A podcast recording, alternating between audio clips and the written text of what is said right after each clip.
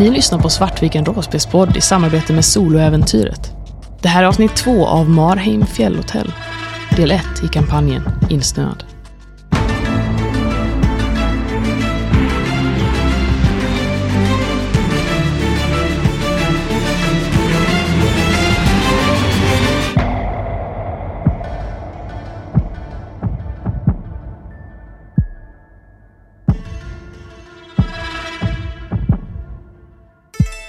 Jag går efter och tar tag i din arm. Nej, men släpp mig! Jag vrider runt dig. Jag försöker kämpa emot.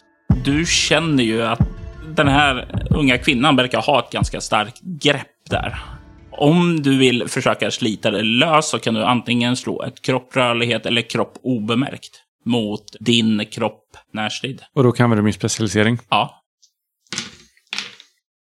Jag, slå- jag fick sju. 19. det är ett perfekt slag.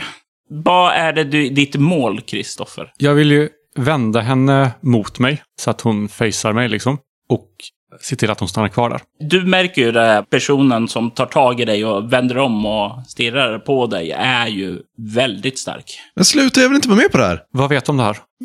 Jag vet ingenting. Va, vad pratar du om? Jag tittar på dig som att jag genomskär dig liksom med min blick. Du vet någonting om det här? Men släpp mig då. Jag, jag vill inte vara med på det här. Greppet hårdnar. Lars kommer fram här och säger om damen här vill eh, gå härifrån så tycker jag att vi ska låta henne gå härifrån. Håll utanför det här. Han kollar på dig. Släpp henne. Du kan säkert prata med henne sen, men eh, du ser ju, hon är ju uppskakad och rädd. Jag ignorerar honom. Vad vet du om det här? Jag vill försöka putta Diana i bröstkorgen liksom med min fria hand. Ja, du känner ju det gungar tillbaka. Och du kan se hur Lars tar ett steg fram emot dig, tonar upp lite. Och du kan få slå ett ego-stridsvana.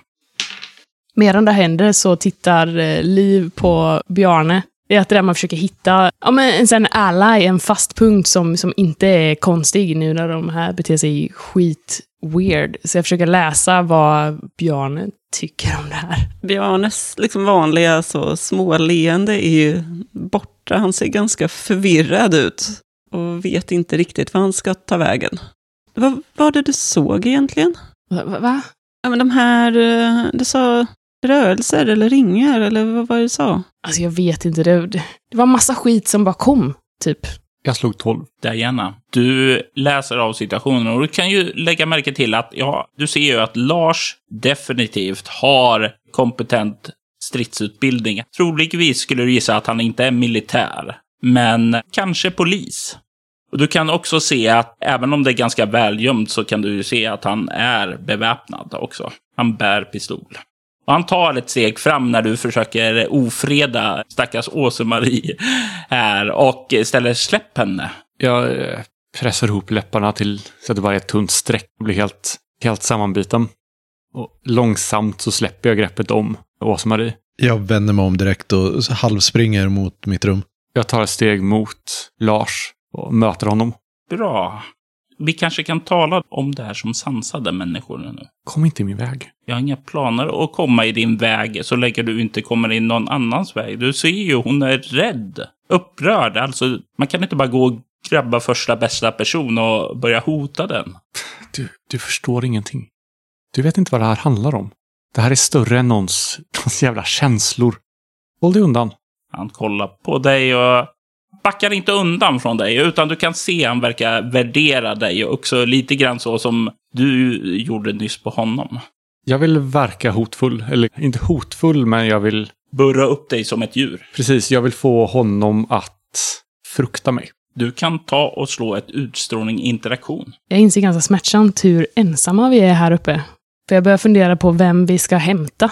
Om det känns som att vi borde hämta någon. Ni har ju fått information om att det är ju fyra andra personer här uppe.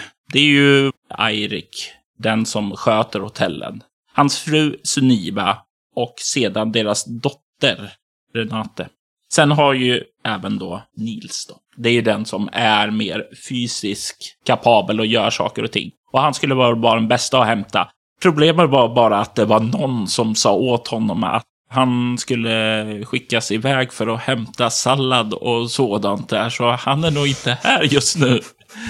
Är det okej att jag använder stridsvalen istället? För är, jag försöker ju framstå som hotfull. Mm, ja, visst. Det kan jag köpa. Då lyckas jag. Du, det är ett motståndsslag, hörru. Du, Ja, ja. Jag tror det var... Då ska jag se, då har jag, då har jag 14. du kan ju se, han kollar på dig och när du signalerar det här så tar han lite ett steg tillbaka. Och han verkar ana, ana att du kanske är farligare än du ser ut vid första läget. Jag vill inget illa till Åsa-Marie. Men jag behöver veta vad hon vet. Men då finns det andra sätt. Jag, jag förstår, information är bra, särskilt om det nu är så att den här unga snowboardåkerskan har sett saker. Nu ska vi inte eh, förhasta oss här va? Eh, jag tittar på eh, Diana och jag vill inte prata med Diana. Hon verkar väldigt läskig. Ja, alltså, jag var ju ganska trött. Jag hade ju tränat hela förmiddagen och sen så nu på eftermiddagen och det var ju bara en, en, en freak-grej. Jag vet inte ens om jag pff, såg någonting. Det, jag vet inte om jag skulle beskriva det så faktiskt. Egentligen nu när jag tänker närmare på det. Jag vänder mig mot Liv. Visa mig eh, vart du hittar den. Uh, vadå nu? Ja. Men det är ju... Det är alltid mörkt. Kom igen. Vi kan väl vänta till imorgon. Jag går och hämtar Sunniva och Eirik. Den hittades på deras mark. Vi väntar här, säger jag och Jag ger mig upp för trappan. Bjarne har en bra poäng här faktiskt. Du kan ju se hur Lars står där lite avvaktande för om den här Diana börjar greppa liv så tänker han steppa fram igen. Jag ger ju Lars en sån blick att hjälp liv om det är någonting. Och sen så går jag upp och försöker hitta Eirik och uh, Sunniva. Du vet ju att det brukar vara som så att det finns ett personalrum här nere där någon i alla fall brukar vara. Vanligtvis är det Renata eller Suniva. Det är ju på övervåningen så har Eirik sitt kontor och där brukar han återfinnas under dagarna. Jag tror nog att i det här läget så är det nog Eirik som är den bästa att hämta. Om inte annat för att han är en större karl och kanske har lite mer ordning. Så att jag går upp till Eiriks kontor och knackar på. När Bjarne lämnar rummet så känner jag hur jag får ett adrenalinpåslag av att nu står jag här med de här två främlingarna som jag, jag känner inte dem. Och den ena verkar ju uppenbarligen lite instabil. Men det är en annan typ av ångest än den jag gått runt och burit på hela dagen, utan här känner jag snarare att eh, kroppen gör sig redo. Jag märker nog av till viss del att du stelnar till. Och jag säger det att du behöver inte vara orolig. I det bästa fall, så om ni bara berättar för mig vad ni vet och visar var du hittar den här, så jag är snart ute ur era liv. Min största önskan är att jag inte behöver er i det här. Jag behöver bara veta vad ni vet. Okej, du... Du behöver inte vara orolig. Alltså, om jag ska vara riktigt ärlig här nu så tycker jag du beter dig väldigt underligt. Vad är det du behöver veta? Vad är det du... Jag fattar inte ens vad du syftar på. Vad är du här för? Du ser hur jag tänker, börjar överväga. Jag är på väg att börja prata och sen ångra mig. Det, det spelar ingen roll. Om du bara gör vad jag säger så löser det här sig. Alltså jag skiter i statyetten. Du kan ta statyetten. Jag, jag har mer pengar än vad jag kan göra av med. Alltså, Jag, jag, jag vill, bryr mig inte. Ta den, sälj den. jag, vill, jag vill bara veta var du hittade den och vad det var du såg när du, när du tog den. Ja, jag kan visa på kartan om jag hittar den. Nej, jag behöver, jag behöver se det. Du behöver visa mig. Inte för att vara oartig eller så, men jag tänker inte gå någonstans ut i den skidbacken ikväll med dig. Visst, vi, vi tar det imorgon och eh, vem du vill annars kan få följa med. Ja, Bjarne. Utmärkt, perfekt. Går du därifrån sedan då, Kristoffer? Nej, jag går dit statyetten går, men jag kommer inte röra den. Statyetten har vi Bjarne nu? Nej, du har statyetten. Nej, jag tappar den på golvet efter jag backade undan. Den ligger nog på golvet mellan oss bara. Ingen vill ta den. Okej, så stannar du kvar eller går du därifrån? Jag väntar ju på Bjarne. Ja, för att okej. Bjarne skulle gå och hämta... Då blir det du, Lars och eh, den gode Diana som står där och eh, statyetten ligger på golvet.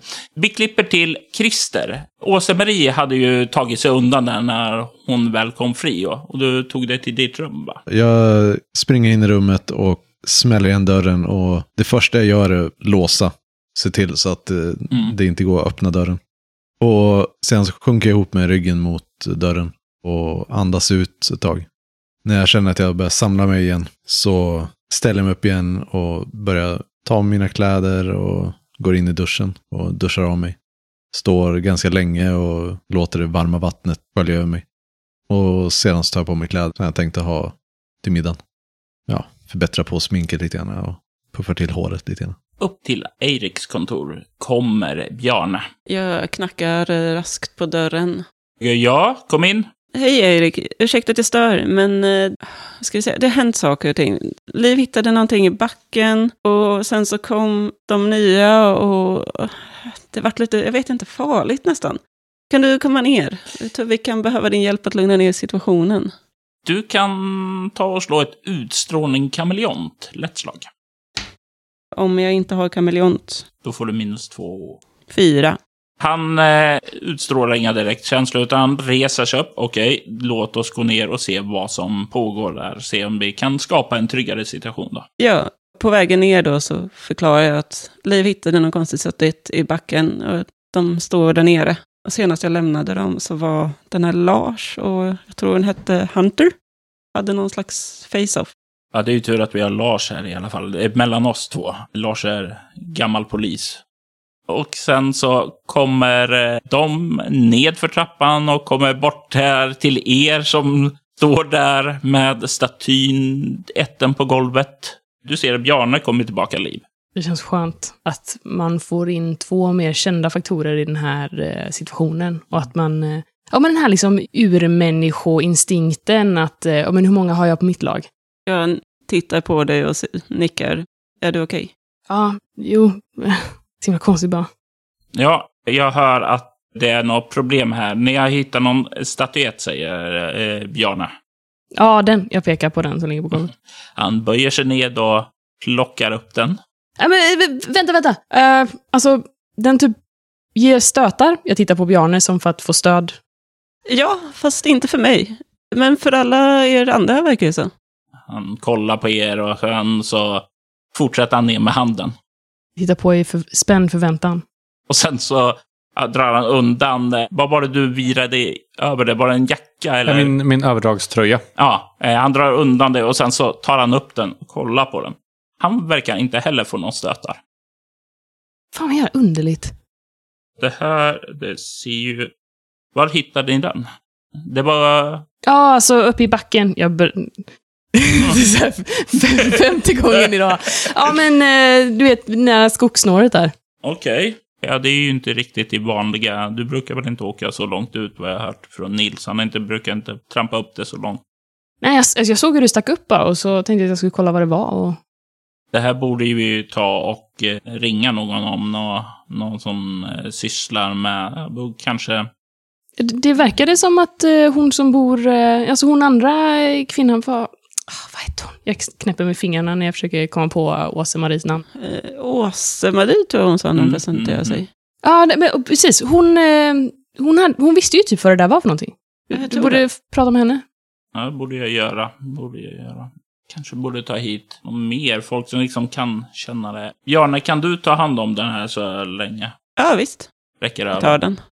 Och sen så börjar jag gå iväg mot Åse-Maries rum. Har jag några teorier om varför folk reagerar olika på den här?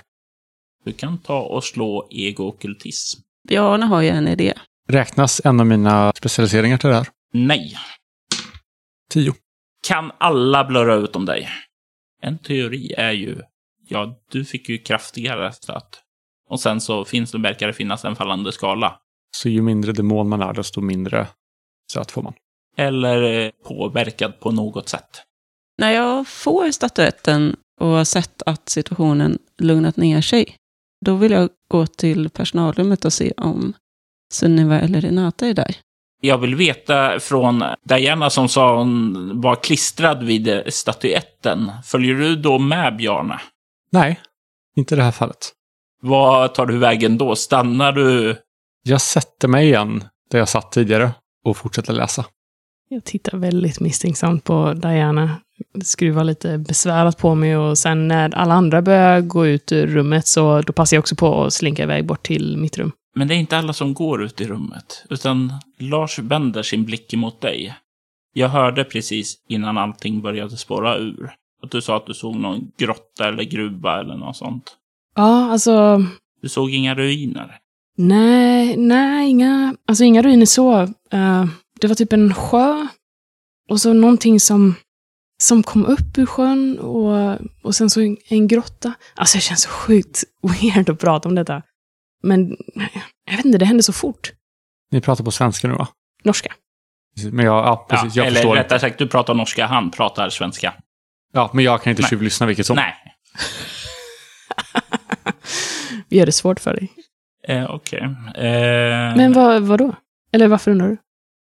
Jag gestikulerar till honom att jag vill börja röra mig till mitt rum. Ja. Typ mest för att jag vill röra mig bort från eh, jo, där Diana sitter. Ja, bör, han följer med dig och säger okej, det är så att jag letar efter en plats som sägs ska finnas här. Men det finns inte utmärkt på några kartor och sådant. Vad för plats? Hogan sanatorium var en plats som ska finnas här i trakten, men som inte går att hitta.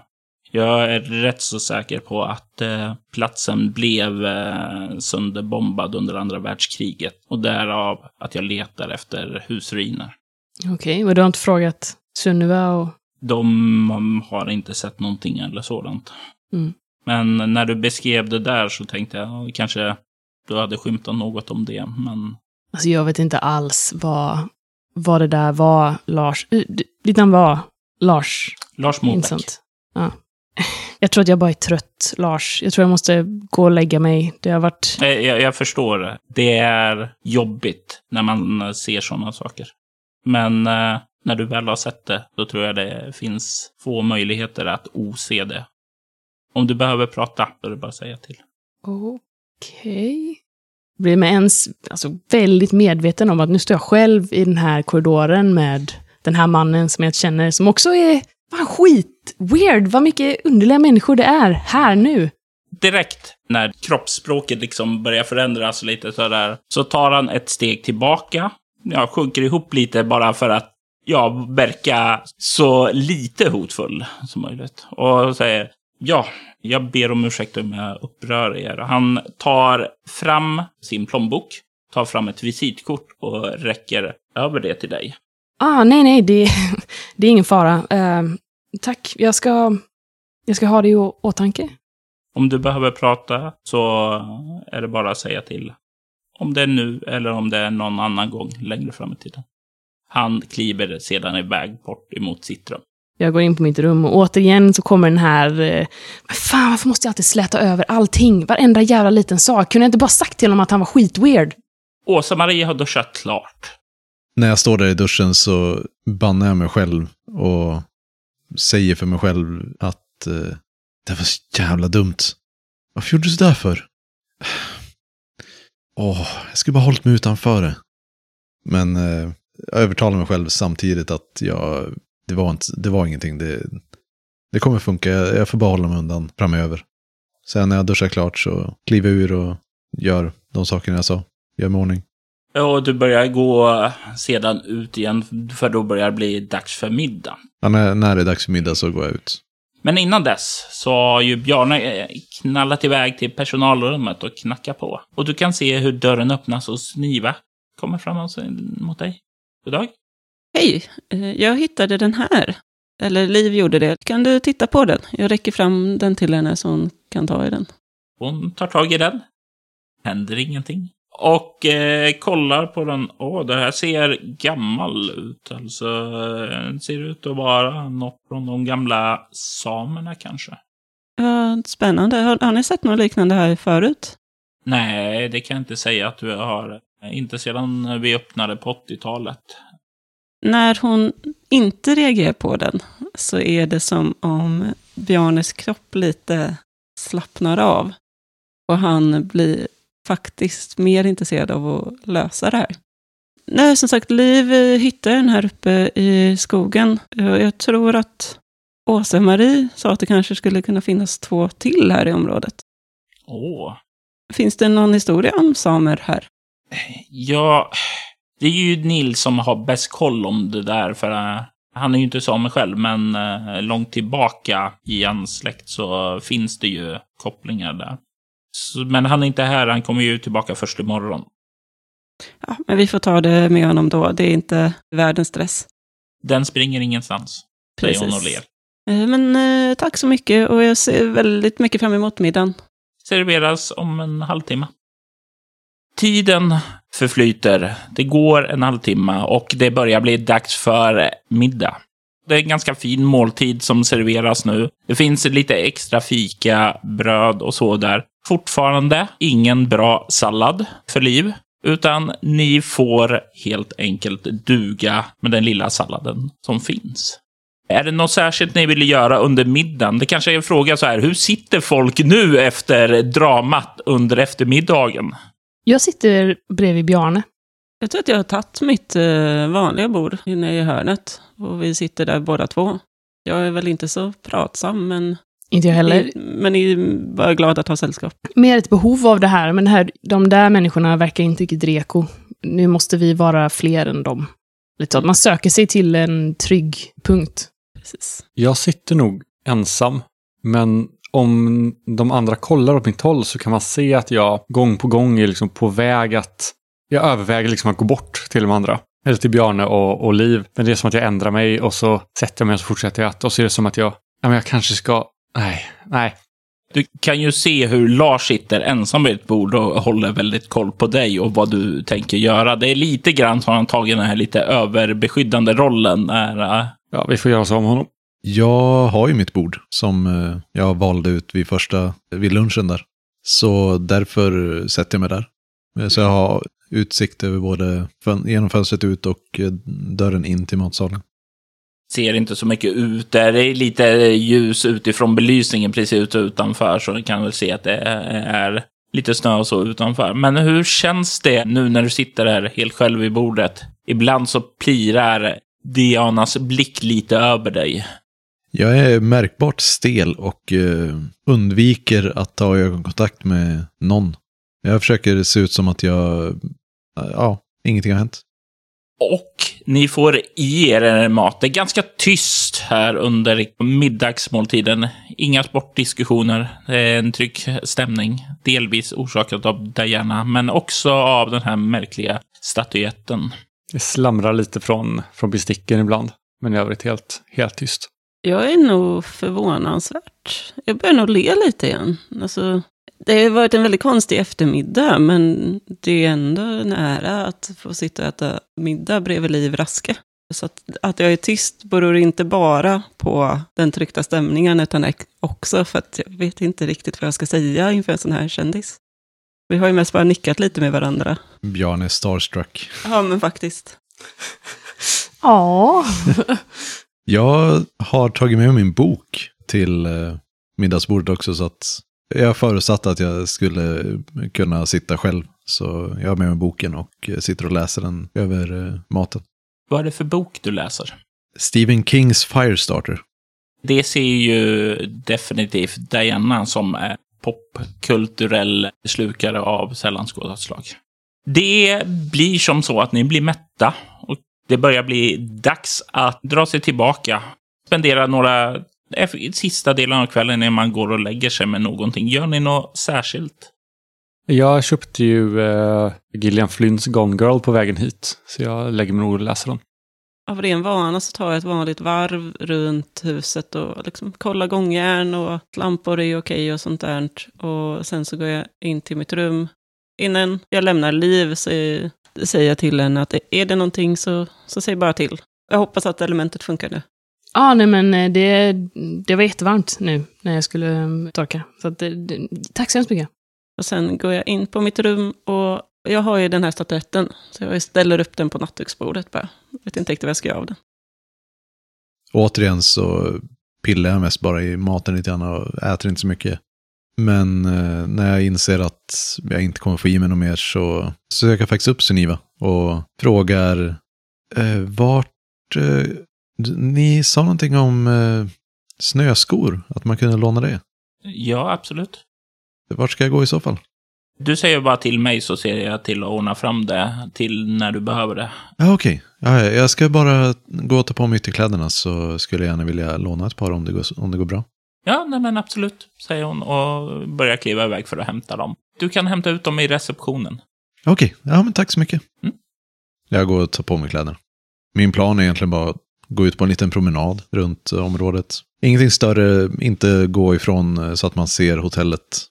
Och det finns ju ganska mycket strålkastare som lyser upp det och du kan ju se också elljusspåret lyser. Men utanför det är det som en vägg av mörker där. Det är kallt, kyligt, minus 20 grader. Ja, det, jag blir nog inte ut så länge. Det kanske så här, en kvart, 20 minuter, inte så mycket mer. Kölden börjar bita igenom kläderna allt för mycket. Jag har inga handskar på mig till exempel, utan jag har ju bara några så här tunna, tunna fingervantar. Och ni kommer till slut in i sängen. Somnar. Det blir inte en lugn och behaglig natt. Ni plågas av mardrömmar.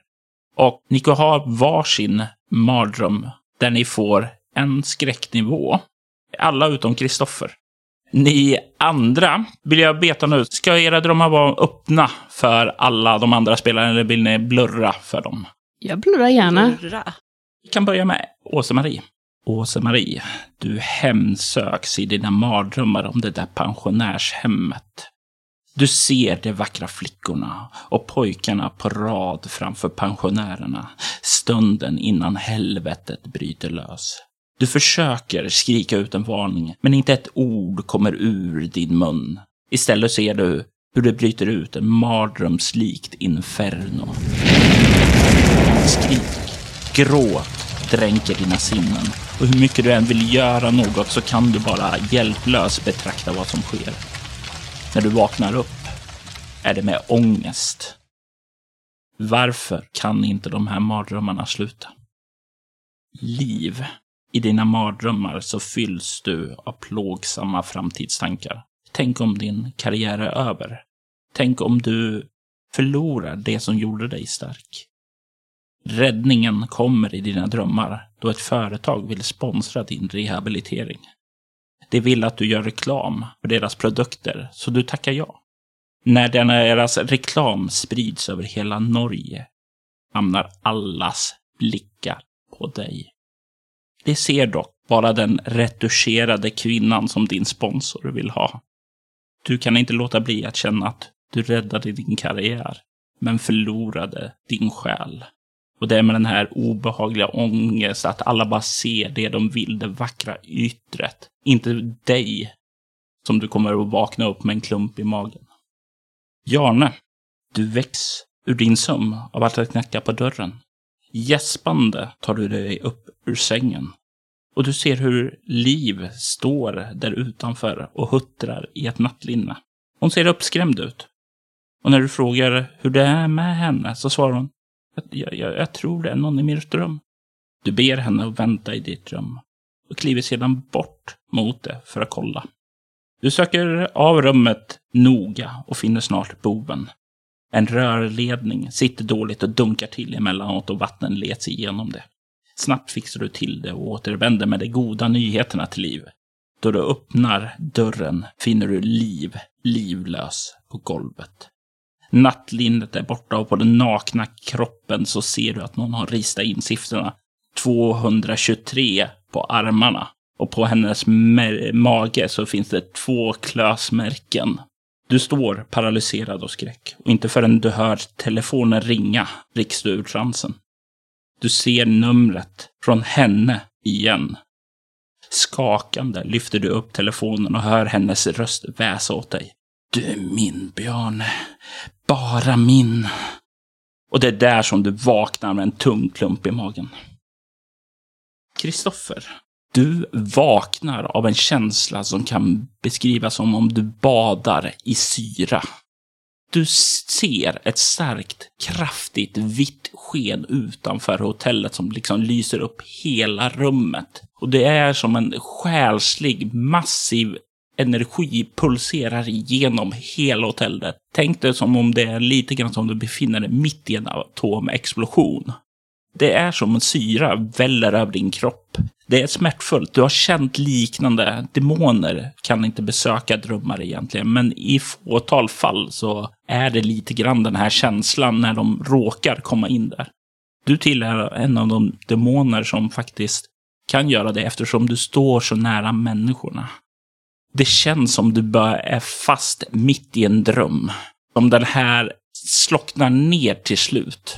Och du sitter där, kraftigt påverkad. Du känner det är svag, matt. Du har minus tre på allt du gör för tillfället. Och du känner att när det här bleknar bort så är det någonting som känns annorlunda. Någonting har skett, något av en stor magnitud. Frågan är bara vad. Du vaknar först av alla, Diana. Klockan är 02.23. Ser du på eh, din väckarklocka som står där vid sidan om. Jag sätter mig upp i sängen, blöt av svett och jag andas tungt. Jag tittar ut först och främst. Du ser mörkret där ute. Det börjar snöa kraftfullt. Så det liksom träffar emot mot fönsterrutan. Jag eh, drar på mig morgonrock och ger mig ut i, eh, i korridoren utanför. Vilket rum är närmast av de andra gästernas? Det är eh, Livs. Liv, när du vaknar upp så är det mitt i natten. Hur vaknar du upp? Hur känner du? Gör du något särskilt? Jag tror först att det är morgon och sen när jag kollar på, plockar upp liksom mobilen och ser att det, det är mitt i natten så, ah fan. Försöker lägga mig ner och somna om, men jag har den här liksom, obehagskänslan kvar i kroppen. Jag känner liksom hur ångesten börjar välla upp. Jag, om jag inte kan somna om så går jag upp, men jag kommer försöka somna om först. Du kan höra lite fotsteg ute i hallen. Jag ligger helt blickstilla i sängen och försöker höra exakt vart de här stegen rör sig. Rör de sig bort eller närmare Diana? Ja, Liv hör ju stegen komma närmare och närmare. Tills de är precis utanför dörren. Då stannar de till. Jag greppar min mobil. Sen fortsätter de bort. Var är du på väg, Diana? Jag vill gå längst bort i korridoren och sen alltså vända tillbaka. Jag bara traskar fram och tillbaka i korridoren. Vem är nästa dörren du passerar förbi? Åse-Marie. Du har också nyss vaknat upp, Åse-Marie. Hur känns det när du vaknar upp? Gör du något särskilt? Det är det vanliga när jag vaknar upp, att uh, jag vaknar med ett ryck, jag ligger kvar en stund och tittar upp i, i taket och försöker processa vad som har Ja, men om drömmarna försökte säga någonting den här gången eller om det bara är samma upprepning om och om igen. Vilket det nästan alltid är. Och sen så går jag till badrummet och skvätter kallt vatten i ansiktet. Och försöker få ner, ja, få ner pulsen och eh, skölja av lite av svetten. Och sedan så vill jag nog ta mig till, eh, såg jag om det fanns någon eh, kaffe i eh, loungen där. Det står väl en sån här kaffetermos som de ställer fram sådär, så det Ja. kan definitivt finnas något, säkerligen sådana bryggt för natten om någon Ja. skulle vilja. Då är mitt nästa mål är att eh, gå till eh, kaffetermosen och fylla på en mugg och sätta mig i antingen matsalen eller loungen och med en lampa och läsa min bok i pyjamasen. Du vandrade ju fram och tillbaka, Diana. Och du kommer ju till slut förbi eh, Bjarnas rum också. Hur är det när Bjarne vaknar upp? Jag sätter mig upp helt kallsvettig och bara stirrar framåt. Det som fick mig hit, det sköljer ju över mig. Och jag börjar plocka fram min mobil och är på väg att rusa ut ur rummet bort för att kolla om hon är okej. Sen kommer jag på att eh, det kanske inte är världens bästa idé. Men jag är på väg ut i korridoren med min mobil för att kolla numren. Och du hör fotsteg på väg fram mot dörren din. Jag letar mig runt i rummet efter första bästa sak som jag kan använda som vapen och det enda jag hittar är den här statyetten. Så jag tar tag statyetten i ena handen, mobilen i den andra och är på väg ut och är redo om det skulle komma. Du är på väg ut. Ja, du hör fotstegen komma fram till dörren, stannar. Och vänder sig om och går vidare bort. Då vill jag rusa ut, öppna dörren och gå ut och se vem som är där och om de är på väg till nästa person som jag tror kan vara i fara. Hur är Diane klädd och hur aggressiv är hon på väg mot nästa person som är i fara? Det man ser med Diana är ju liksom en, den här morgonrocken man får på, på många hotell. Förmodligen hyfsat kort, kanske lite silkes. Och jag har på mig någon slags tofflor liksom och går bara ner i korridoren med ryggen mot, mot Bjarne i nuläget. Jag ropar högt, stanna! Jag stannar. Vem är du? Vilket språk pratar du? Jag tror jag pratar norska. Ja, nej, jag, jag vänder mig om och där. rycker på axlarna med handflatan mot taket som så här. Vad, vad säger du? När jag ser att det faktiskt är Diana så lugnar jag ner mig lite grann. Men eh, fortsätter förbi dig Ja, jag här, rycker på axlarna. och håller koll på vad, vad du gör. Kan se längre bort i korridoren hur Åse-Maries dörr öppnas och hon kliver ut i pyjamas. Jag går ju ganska försiktigt. Men ser jag dem på en gång eller? Ja, det är ganska öppen sikt här i korridoren, så det har du inga problem att göra. Ja, men jag tänkte om det var mörkt eller så. Men, Men det finns jag sådana här varsellysen, så det är ändå Ja. hyfsat. Gå och lägg er igen, säger jag till er båda två. Sen går jag mot Livs rum, ställer mig utanför. Liv, du har just på väg att somna då du hör fotsteg komma gående mot din dörr och stannar utanför där. Jag knackar liksom ganska försiktigt på dörren. Liv? Jag tittar på mobilen igen och kollar vad klockan är. Han kanske är 02.35 nu. Tusen tankar far ju genom hjärnan att... ah, Vad tusan är det här? Har det hänt någonting? Ska de, det känns ju jätteobehagligt när någon eh, knackar på ens dörr mitt i natten. Men jag går ju upp och alltså, drar på mig en, eh, en flis och går och öppnar dörren. Bjarne står utanför i bara liksom, öppen morgonrock och sådana stora kallingar. Och, och, ja, du är okej? Eh, ja, Jag- det har inte var det. Har du fortfarande mobilen i ena handen och statyetten i andra? Ja. Vad är grejen med det där? Jag, Pekar lite på statyetten. jag tittar ner på den själv som att jag inte riktigt har fattat att jag håller i den. Eh, oj, eh, ja, det var inte meningen att väcka dig. Jag ville bara dubbelkolla att det var okej. Jag ehm, kom på att jag kanske skruvade på elementet lite för hårt. Ifall det skulle bli för varmt. Eller något. Alltså det är ingen, det är ingen fara här. Eh, det verkar fungera bra. Okej. Jag skulle vilja gå och lägga mig igen nu. Eh, ja, gör så. Så gott. Mm. Jag stänger dörren eh, lite tveksamt och när jag går tillbaka mot sängen så börjar återigen den här ångesten välla upp. Alltså, "Nej, nu har jag skickat några signaler som, som jag inte har tänkt att skicka och ah, shit, fan vad obehagligt mitt i natten också. Och hur ska jag göra imorgon? Och, oh, gud vad awkward hela situationen blev. Det var så mycket enklare när det inte var någon här. Det bara var jag. Jag kunde åka ut och åka snowboard i backen. Och, jag menar, jag är inte här för att träffa folk och nu folk överallt och de är fan skitkonstiga hela bunten. Sen går jag och lägger mig och försöker somna om, men eh, det blir mest att jag ligger och tittar på klockan och ser hur den eh, pinnar iväg. Fast till slut så somnar du, kanske lite utmattad, där det börjar snurra för mycket framåt, ja, kanske framåt mot femsnåret då. Medans Bjarne vandrade iväg och knackade på Livs dörr mitt i natten, så vad gjorde Åse-Marie och Diane? Jag försöker undvika gärna, men eh, mitt mål är ju fortfarande kaffe. Om du kan komma iväg till kaffet. Om inte Kristoffer protesterar. Nej, Diana bara slår ner blicken liksom och låter Åsa-Marie gå förbi. Och vart tar du vägen sen? När jag har hämtat kaffet så går jag tillbaka till rummet och börjar på att bläddra i mina medicinstudieböcker. När du har hämtat kaffe och är på väg tillbaka så ser du hur jag står, hur korridoren går liksom rakt fram och sen svänger den av skarpt.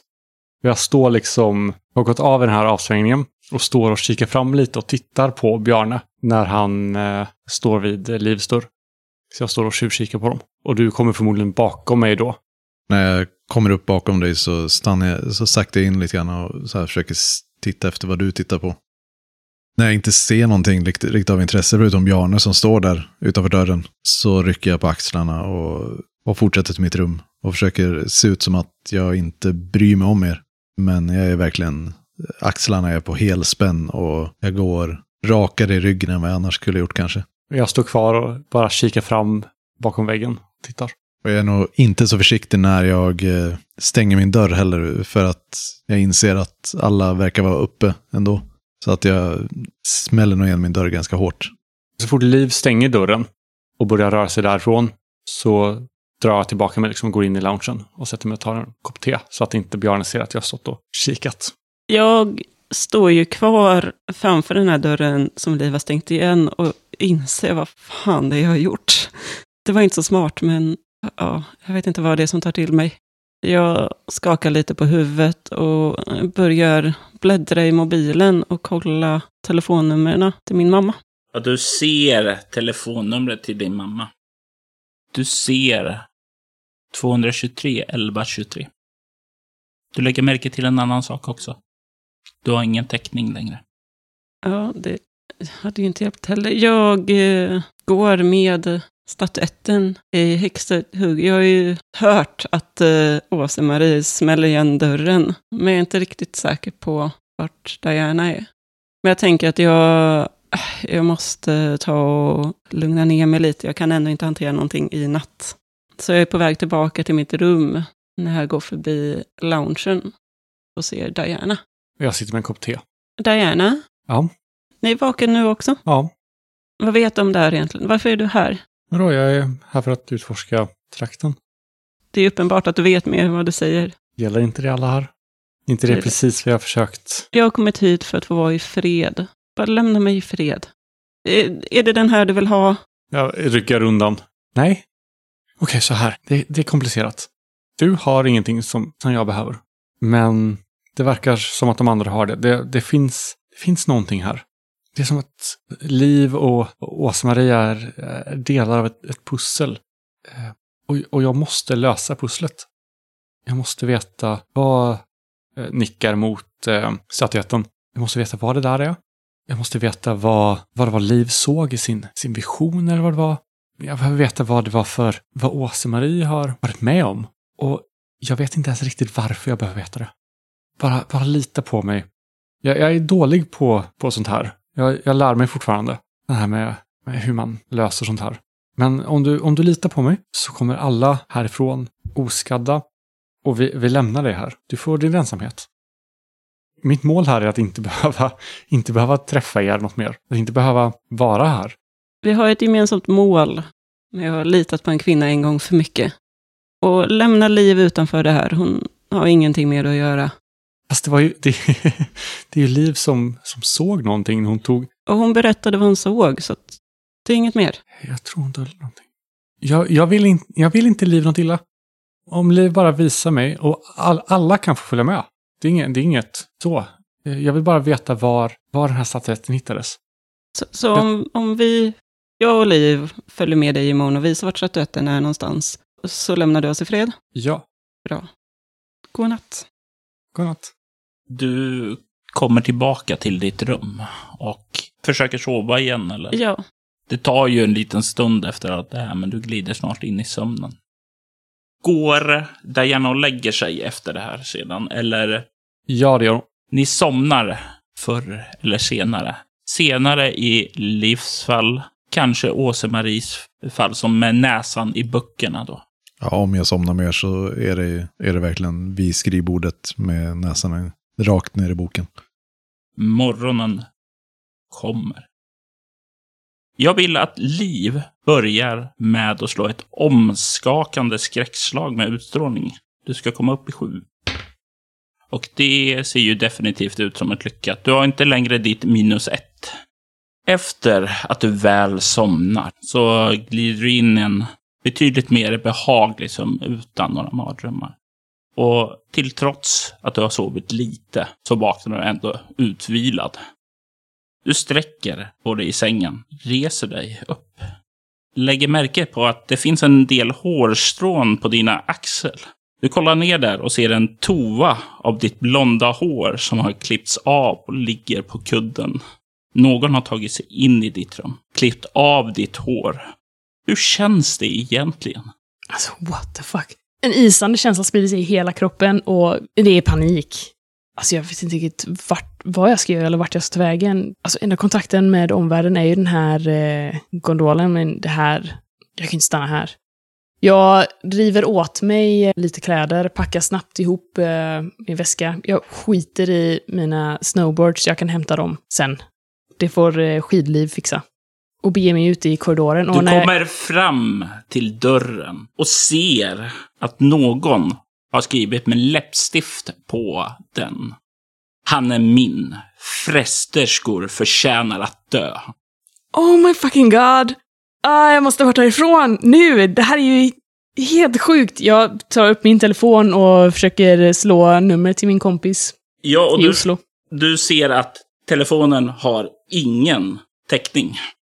Ah, Okej, okej. Okej, andas bara nu. Äh, f- Alltså, fuck it, vi drar. Jag, jag, jag går ut i korridoren och äh, tänker ta mig därifrån. Vi klipper till Bjarnes sovrum. Jag vill att du börjar med ett chockartat skräckslag med utstrålning och då ska du upp i 10. Tre. Du får två skräcknivåer. Efter att ha somnat så sover du. Sen så kommer det. Försiktigt skjuter du upp dörren till Livs rum och kikar in i det. Du kan se Liv sova rofyllt.